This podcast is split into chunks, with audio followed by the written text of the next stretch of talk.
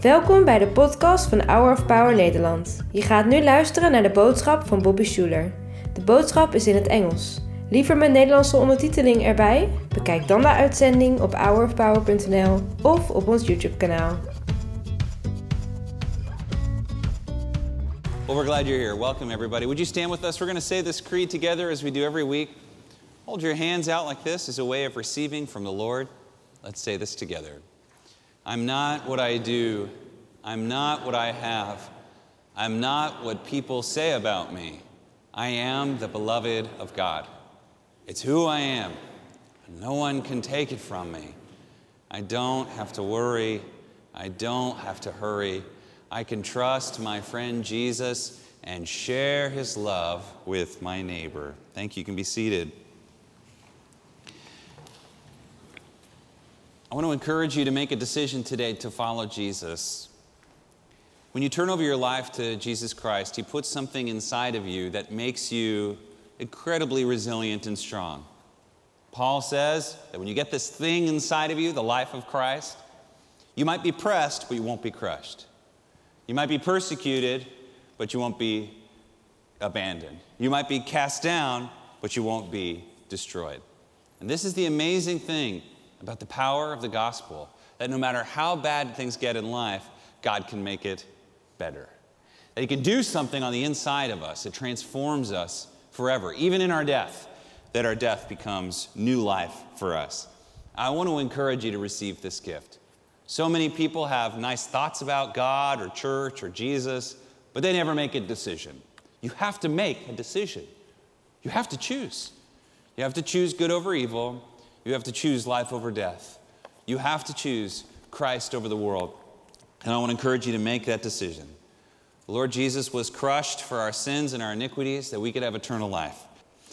Well, on that note, some of you are pressed right now, but guess what? You're not crushed. You're persecuted, but you're not abandoned. You're struck down, but you're not destroyed. I want to begin with my maybe my favorite quote from the Stoic philosopher and emperor Marcus Aurelius, who said this very simple but obvious thing that drives me in my life fire thrives on obstacles. Fire thrives on obstacles. One of the best ways to get rid of a fire is to get rid of what? Obstacles, trees and brush and all of these things. These are the things that cause a fire to grow, to get out of control, to keep going. There is a fire inside of you. It was placed there in your birth. It was placed there a double time in your rebirth. When you received the Holy Spirit, you did receive this thing. And that is the weird thing about Christians is in a weird way we need to be pressed a little bit. We need to be persecuted a little bit. We need to be struck down a little bit. It's a very strange thing that the worst thing to do to the church is keep it comfortable, keep it well fed, keep it in bed, keep it safe, keep it secure. One of the best things to do is to put it in the fight. One of the best things to do is to set it off in the race. One of the best things to do is release it. Release the fire, release the power, release the life within. And this is my encouragement to you today get into the fight. You know, life is a fight, right? It's a fight. It is a constant fight, a fight for what matters. You have to fight for your values, you have to fight for your life, you have to fight for your family. We have to get into the fight. I want to encourage you fight for your family. I want to encourage you to fight for your dream, fight for your future, fight for your health, fight for your finances. Someone who's pious listening to this sermon says, Well, that doesn't sound very spiritual. Well, let me tell you, my friend, it's all spiritual. Everything that we do in life is spiritual. You are a spirit. Everything that you're doing is spiritual. And guess what? God cares about those little things, but it's up to us to fight for it. It's up to us to fight for it. Here's the problem with when you have a dream, when you have a goal, when you have something that God's called you to do. Here's the challenge is that there will always be an obstacle. It always seems like the obstacle is in the way. It always seems like there's an obstacle on the road. It always seems like some great thing has blocked the freeway of your life. It always seems like there's an obstacle, and we say, God, the obstacle is in the way. But what does God say to us? No, the obstacle is the way. And that's what I want to get across to you today. That is today, my sermon title today Fire Thrives on Obstacles. If you are fire, you need an obstacle. If you're fire, you need a challenge. If you're fire, you need a fight. And this is what we were called to do. And these obstacles create us, they make us, they recreate us, they build us, and we need them. And the older we get, the more we need them so that we don't fall into the ruts of life that so easily entangle us. Can I get an amen? amen. From all eight of us, this is we got this, guys, we got this. Amen. amen. We need it. The story of Joseph is probably my favorite uh, story in, in the Bible, my favorite character other than Christ. And this is because Joseph's story is so similar to what many of us face when a dream is put in our hearts. Joseph is an interesting guy. He's uh, one of the youngest in his family, got 11 brothers, big family. And uh, he seems to be a bit naive and a little annoying to his siblings. He's the dad's favorite. And he gets this dream in his heart from the Lord. And he shares this dream with his brothers. And what do they say? Let's kill him. And so they're about to kill him, and then they realize hold on a second. Instead of killing him, why don't we make a little money? That's not a bad idea. I think it was Reuben's idea. So they throw him in a pit and they sell him as a slave. And he disappears. And you see this really tough journey for this young Joseph, this teenager. The first bit, he goes and he works for this great man named Potiphar. And Potiphar has this gorgeous wife. And Potiphar leaves one day, and this gorgeous wife is all alone, and she gets a nice look at Joseph, who probably has a six pack. I've read it in the Hebrew, it kind of looks that way. And decides she wants to be with Joseph, right? So you picture this young man, maybe say 17 or so, and a beautiful woman, and she wants to be with him. She wants to lay with him. But he's committed to God, he's committed to his faith, and the story goes that as she's trying to seduce him, you almost feel like he wants to do it, but he refuses. And so, just very smart, he decides, I'm just gonna run, I'm just gonna run away. As he's running away, she grabs his robe, it comes off, and you get this picture of Joseph running away stark naked. She's, of course, offended. And so, when the Potiphar comes back. She lies and says, Joseph tried to violate me. Here's the proof. Now, think about how horrible that is. It's, you did the right thing, no good deed goes unpunished. This man who's trying to honor, he's doing a great job, he's got a great attitude, he's been really fair to him. He feels like he's, you know, Joseph feels like he's just being mistreated. He's thrown into prison. There's this whole thing where he's talking to this, you know, these guys and they work for Pharaoh and they forget about him. Anyway, the long and short of it is eventually, through all of these things that Joseph goes through, he's made the second most powerful man in all of Egypt. And this amazing thing comes where finally he meets his brothers and they don't know who he is and they think he's just this powerful governor. And then when they find out who he is, they grieve, they tear their clothes, they think they're all dead men. And what does Joseph say? What you intended for evil, God intended for good, for the saving of many lives. And famously, you know, he reunites with his brothers. Okay, so there's some amazing things that we learn about this famous story for Joseph. Here's the first thing that I pick when I learn about Joseph's story this is a long road for him. The number one thing I learned first is God does not like to show us the price of our dream. God will not show you the price. He'll show you the dream, but not the price. You say, that's not fair. Well, I didn't make the rules. These are the rules. When you get your own planet, you can make your own rules, but these are the rules. God does not show us the price because the price would terrify us.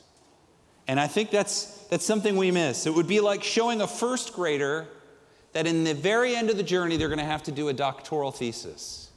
The first grader would feel overwhelmed. But as in life, you go from first grade to second, second grade to third, and on and on it goes.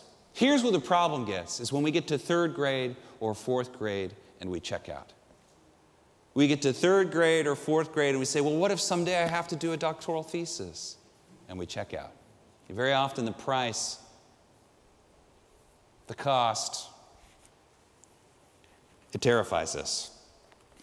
Here's the clear thing that we can see there is no way Joseph would have become a ruler if he wasn't first a slave. This is the stark reality of the story of Joseph. The road to victory is through a road of pain. The road to victory it comes with a price.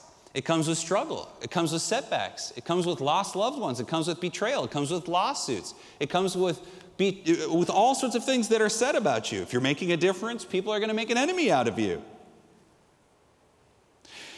You might say that for Joseph, the fire inside of him had to grow. And that's exactly true. Jesus tells us unless the seed falls to the ground and is buried, it remains only a seed. But if it falls to the ground and is, and is buried, it becomes many seeds. You ever notice how often in this story Joseph is under, literally underground? First, he's thrown into a pit, then, he's thrown into prison, then, he's thrown into another pit. It's on and on. He spends so much of his life underground, forgotten, suffering, tortured, only to become the second most powerful man in the world. This is what the pit does to us. If we endure the pit with the Lord, because He never abandons us, if we endure the pit with God, with His word in our heart, He will turn that thing into a great victory. Now, Joseph didn't choose the misery of his life. Joseph actually really doesn't choose to pay that price, but sometimes we have to do that. That's the setback for many of us. That's the setback for many of us. We have to make a choice. We have to choose to read the books. We have to choose to apologize. We have to choose to start typing the novel or the essay. We have to choose to stare at a blank canvas and start painting. We have to choose to take the walk. We have to choose to search for opportunity. We have to choose to pray.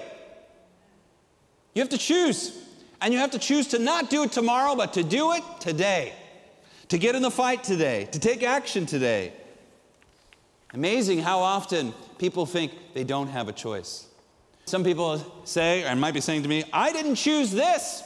Now, certainly Joseph didn't choose to be a slave. Maybe you're going through a tough time. You're going through a health crisis, a financial setback, a betrayal, or a lawsuit, or something like that. Yeah, I didn't choose this, but you still have a choice. You still have a choice to fight, and you have a choice on how to respond. This is one of the great things we learn from Dr. Frankl. Viktor Frankl, who was suffered in the Holocaust, said this amazing thing.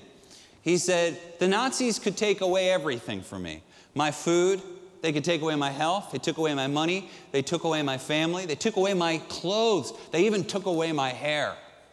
But I said, Here's the one thing they could never take away from me. They could never take away from me my, how I choose to respond. Do not forget that the world will throw a lot at you. The stronger you are, the bigger your dreams, the more will be thrown at you. But here's the other thing I believe is God has put something inside of you. God has put something inside of you a miracle, a power, a life, the Spirit to help you overcome. And no one can take away from you how you choose to respond. This is the truth. So, I mean, how did Joseph even do it? One of the coolest things about Joseph is over the 20 or so years of suffering until he went from a, a slave to a ruler, is just how he never loses his character. And he seems to never lose his spirit. He seems to always do what's right in the eyes of God. He asks, he works, he goes for it, and even still, with all the setbacks, he never falls completely spiritually in a pit. Here's what I think I think that dream that was given to Joseph was the best gift that was ever given to him. I believe that Joseph had faith that what the dream that God gave him was so clear to him, he knew somehow God was going to bring it to pass. That got him through every prison, every setback, every betrayal. In other words, he was pulled by a vision. Joseph was pulled by a dream. He was pulled by the future. Here's something we know about human beings we need to be pulled by the future.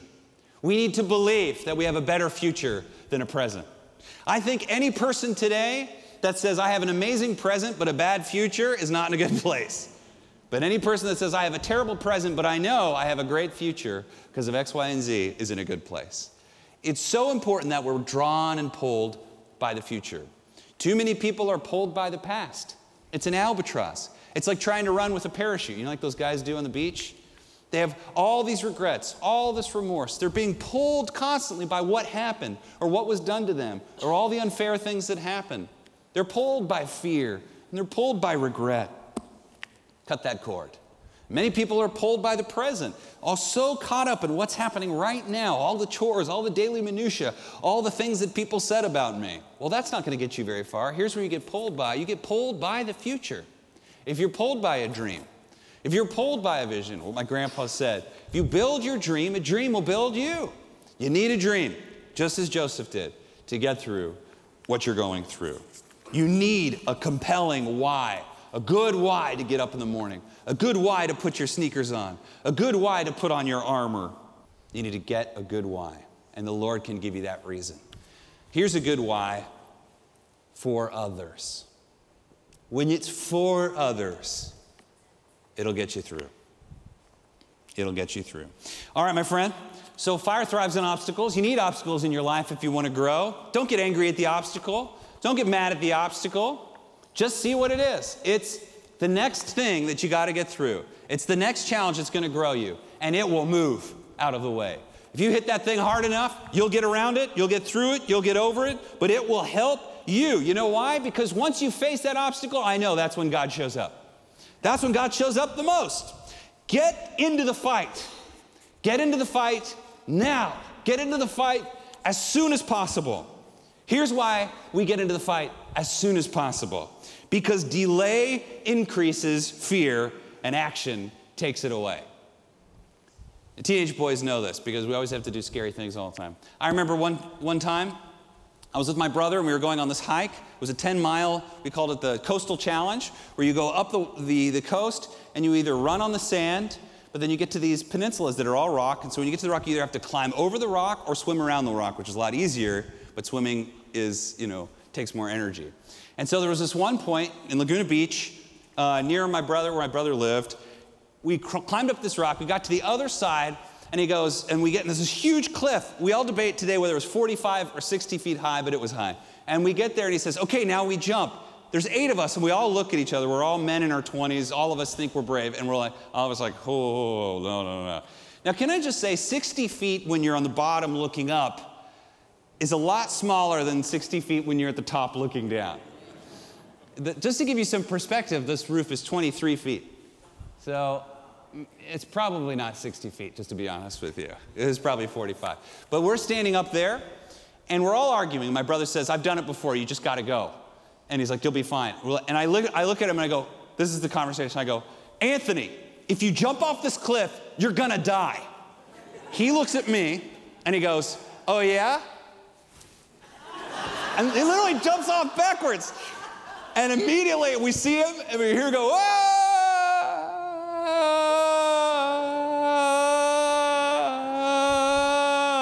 no. Splash.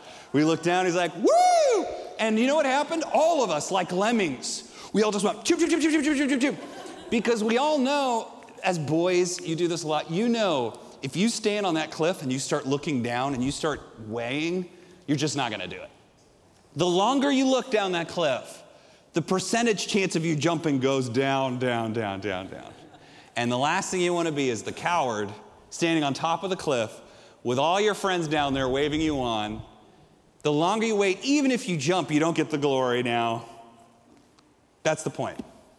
That's why we got to get into the fight. This is true in all of life. I'll say it again delay increases fear, action takes it away.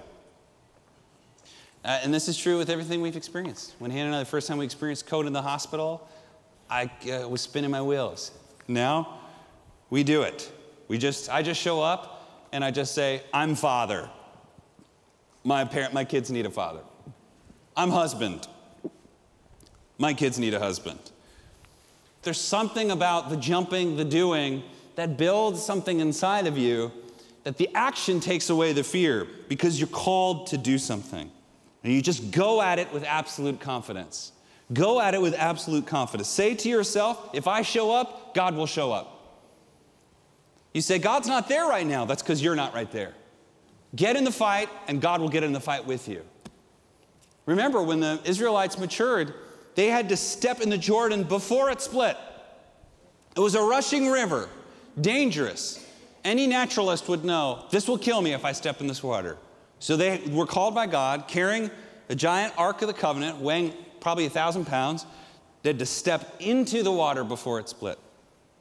You have to get into the fight, and God will show up. And, uh, and He'll do a great thing for you. Lord, we ask in Jesus' name that you continue to increase and not decrease the fire that's inside of us. We love you. It's in Jesus' name we pray. All God's people said, Amen. Bedankt voor het luisteren naar de podcast van deze week. We hopen dat deze boodschap jou heeft bemoedigd. Wil je meer weten over Hour of Power of dagelijkse bemoedigingen ontvangen? Ga dan naar www.hourofpower.nl.